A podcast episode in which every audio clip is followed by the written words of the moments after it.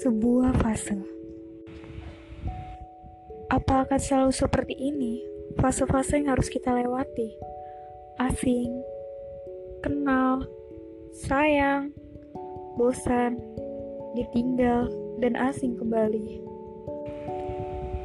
Angan yang kubuat sudah terlalu tinggi tentang kita, tentang sikapmu yang sudah mulai berbeda. Aku tak pernah berani bertanya apa alasannya. Itu yang menjadi alasanku hingga saat ini hanya bisa menerka-nerka.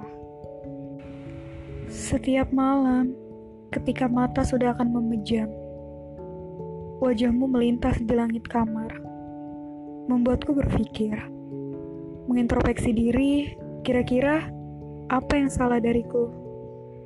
Apa sikapku terlalu kekanakan, sampai membuatmu tak nyaman? Atau aku sudah terlalu berani mengekang ini dan itu.